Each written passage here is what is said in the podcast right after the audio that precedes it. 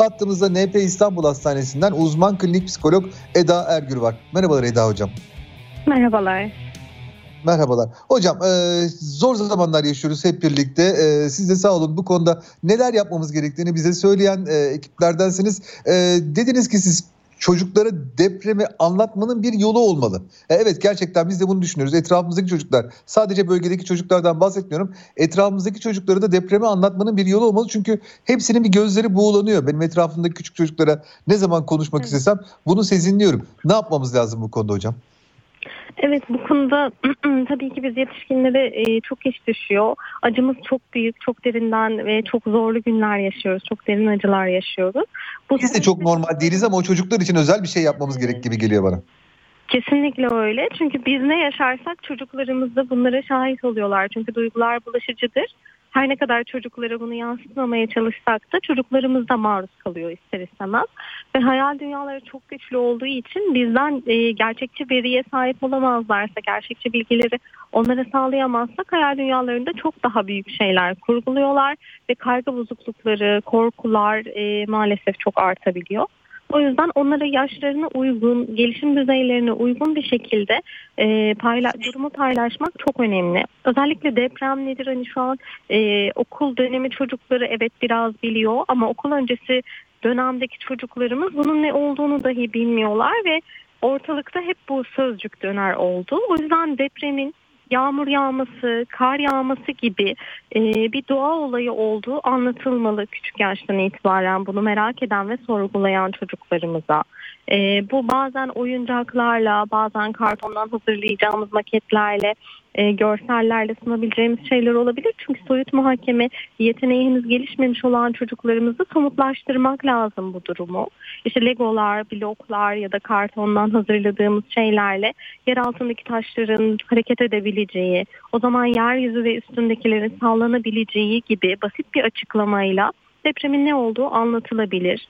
Burada işte kar yağarken üşümemek için nasıl montumuzu, eldivenimizi giyiyorsak e, depremden korunmak için de alabileceğimiz, aldığımız önlemler olduğunu ve böylece güvende olmamızı sağlayabileceğimiz anlatılmalı ki çocuklar hem ne olduğunu anlasınlar hem de nasıl e, tedbirler alabileceğimizi öğrenirlerse biraz daha kolay baş edebilirler. Çünkü çocukların baş etmesi için olayı, durumu anlamlandırmaya ihtiyaçları var. Bilmedikleri bir şeyle baş edemezler. Evet hocam özellikle şunu ben merak ediyorum. Onu size sormak istiyorum. Şimdi çocuklar e, evet oyun oynarken ya da film seyrederken ölümlerle karşılaşıyorlar. Yani ama bunu tabii biraz lafta ölümler olarak karşılaşıyorlar. Şimdi ilk kez ailesindeki insanlar e, ciddi ölümlerden bahsediyor oluyor ve 30 binden fazla ölüden bahsediyoruz. Burada kayıptan bahsediyoruz. Bunlar çocuğa nasıl anlatılmalı? Yani belki de ilk kez birçok çocuk bunun ciddiyetiyle karşılaşacak. Kesinlikle öyle. Ee, özellikle çocuk yakınını kaybettiyse bu gerçekten hepimiz için olduğu gibi çocuklar için de çok travmatik bir durum. O yüzden bu gibi durumlarda aileler genelde e, çocuğa karşı koruyucu ve eğilim içerisinde oluyorlar. Ancak çocuğun da bu durumu bilmeye, yaşamaya hakkı var. Yaşına uygun bir şekilde e, ne ile karşılaşacağı dürüst ve açıkça anlatılmalı. Çünkü çocuklar biz e, ne kadar anlatmasak da işlerin yolunda gitmediğini algılayabiliyorlar, hissediyorlar. O yüzden evet ölümün kabulü e, elbette ki üzüntü getirecek, hüzün getirecek. Çocuklarımız bununla baş edebilecek güçteler. Belirsizlikle baş etmeleri daha zor. Hani bu ölümü açıklarken nelere dikkat etmek gerekir? Ee, burada da yine neyle karşılaşacaklarını anlatmak lazım. Giden kişinin geri gelmeyeceği mutlaka söylenmeli. O andan sonra çocuğun işte e, birinci ebeveynlerini kaybettiyse çocuğun bakımıyla kim ilgilenecek, e, nerede ikamet edecek, bunları bilmesiye ihtiyacı var çocukların. O yüzden uygun bir dille net ve kısa cevaplar mutlaka vermeliyiz ki çocuklar da bizimle eş zamanlı bir şekilde yasını tutsunlar.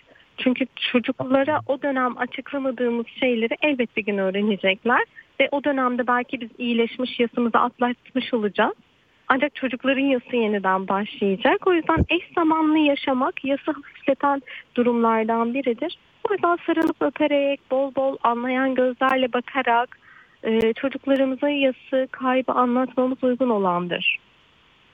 Hocam peki e, şimdi çocuklar okula gitmiyorlar ama önümüzdeki haftadan itibaren deprem bölgesi dışındaki çocuklar okulda bir araya gelmeye başlayacaklar. Ee, bu zaman dilimi için hani çocuklar bir araya gelince birbirlerine daha farklı şeyler anlatabiliyorlar. Belki o zamanlar için özel bir iletişim önerebilir misiniz? Kesinlikle. Ee, öncelikle çocuğa her türlü edindiği bilgiyi ya da aklına takılan her durumu bizlere sorabileceği rahatlığını ve güvencesini vermemiz çok kıymetli. Dediğiniz gibi çocuklar çünkü e, siz belki açıklama yaptınız e, e, çocuğunuza ama bazı çocuklar açıklama yapılmadan kendi başlarına hayal dünyalarıyla bir şeyleri anlamlandırmaya çalıştıkları için çok zorlanıyorlar. Ve bir araya geldiklerinde hayal güçlerinin ucu bucağı yok maalesef, sınırı yok. O yüzden tabii ki daha derin yara açacak, kaygılarını, korkularını tetikleyecek bilgiler edinebilirler. O dönemde biz ebeveynler mutlaka e, ne merak edersen, ne öğrenmek istersen bana sorabilirsin. Güvencesini vermeliyiz ki çocuk evet okulda duyduğu bir şeyle baş et, kendi başına baş etmek zorunda kalmadan biz ebeveynlerine gelsin ve biz ona uygun dille, basit ve anlaşılır bir şekilde cevaplar sunalım. Çünkü çocuklar e, bu dönemde sık sık bize sorular soracaklar. Sık sık bu konuyu konuşacaklar. Aslında bu olması Doğru. gereken normal süreç. Bunu da desteklemeliyiz. Çünkü ne kadar çok konuşulursa o kadar çok iyileşme ım, sağlayacaktır bu bize. Ne kadar çok işlemlerse oyunlarda tekrar tekrar aynı kurguları muhtemelen göreceğiz. Bu da sağlıklı olan oyunlarına müdahale etmemek, çocukların anlamlandırma çabasına destek olmak çok kıymetli. Çünkü ne kadar çok tekrar ediyorsa çocuk onu o kadar anlamaya çalışıyor. Ee, Hocam bir de son olarak son olarak şunu sormak istiyorum. Şimdi hepimizin hiçbirimizin e, kafası şu anda düzgün değil. Yani psikolojimiz hepimizin psikolojisi bozuk. E, çocuklar da bizi gördüklerinde daha bir farklı oluyorlar. Acaba kendimizi çocuklardan saklasak mı böyle zamanlarda üzüntümüzü ya da ne bileyim televizyon izlemesek mi? Onu tam adlandırlamıyorum ne olduğunu. Evet yani kendimizi asla saklamayalım. Çocuklarımızın yanında olalım ama önce kendimizi stabilize edelim. Yani önce kendi duygularımızı fark edip bunu regüle edebilmek. İşte nasıl ne bize ne iyi geliyorsa bazımıza yürüyüş iyi yapmak iyi geliyor. Bazımıza bir kahve içmek, arkadaşımızla sohbet etmek ne iyi geliyorsa önce kendimizi bir stabil hale getirip duygumuzu regüle edersek çocuklarımızla çok daha verimli bir ilişki kurabiliriz. Üzüntümüzü saklamamıza hiç gerek yok. Yanlarında duygumuzu paylaşalım ki onlar da kendi duygularını paylaşabilsinler. O yüzden Anlıyorum hocam. çok zor bir durum, bu bir üzücü bir durum ama hep beraber ben senin yanındayım, seni görüyorum, duyuyorum, güvencesini vererek kabul edildiklerini hissettirirsek çocuklarımız da biz de çok daha rahat bu durumun üstesinden gelebiliriz. NP İstanbul Hastanesi'nden uzman klinik psikolog Eda Ergür. Çok teşekkür ediyorum hocam verdiğiniz bu çok değerli bilgiler için. Ben teşekkür ediyorum. Tüm ülkemize başsağlığı ve geçmiş olsun dileklerimi de iletmek istiyorum sizin Saygılar aracılığınızla. hocam. Çok sağ olun İyi hocam. Çok teşekkür ederim. Çok teşekkürler. Sağ olun.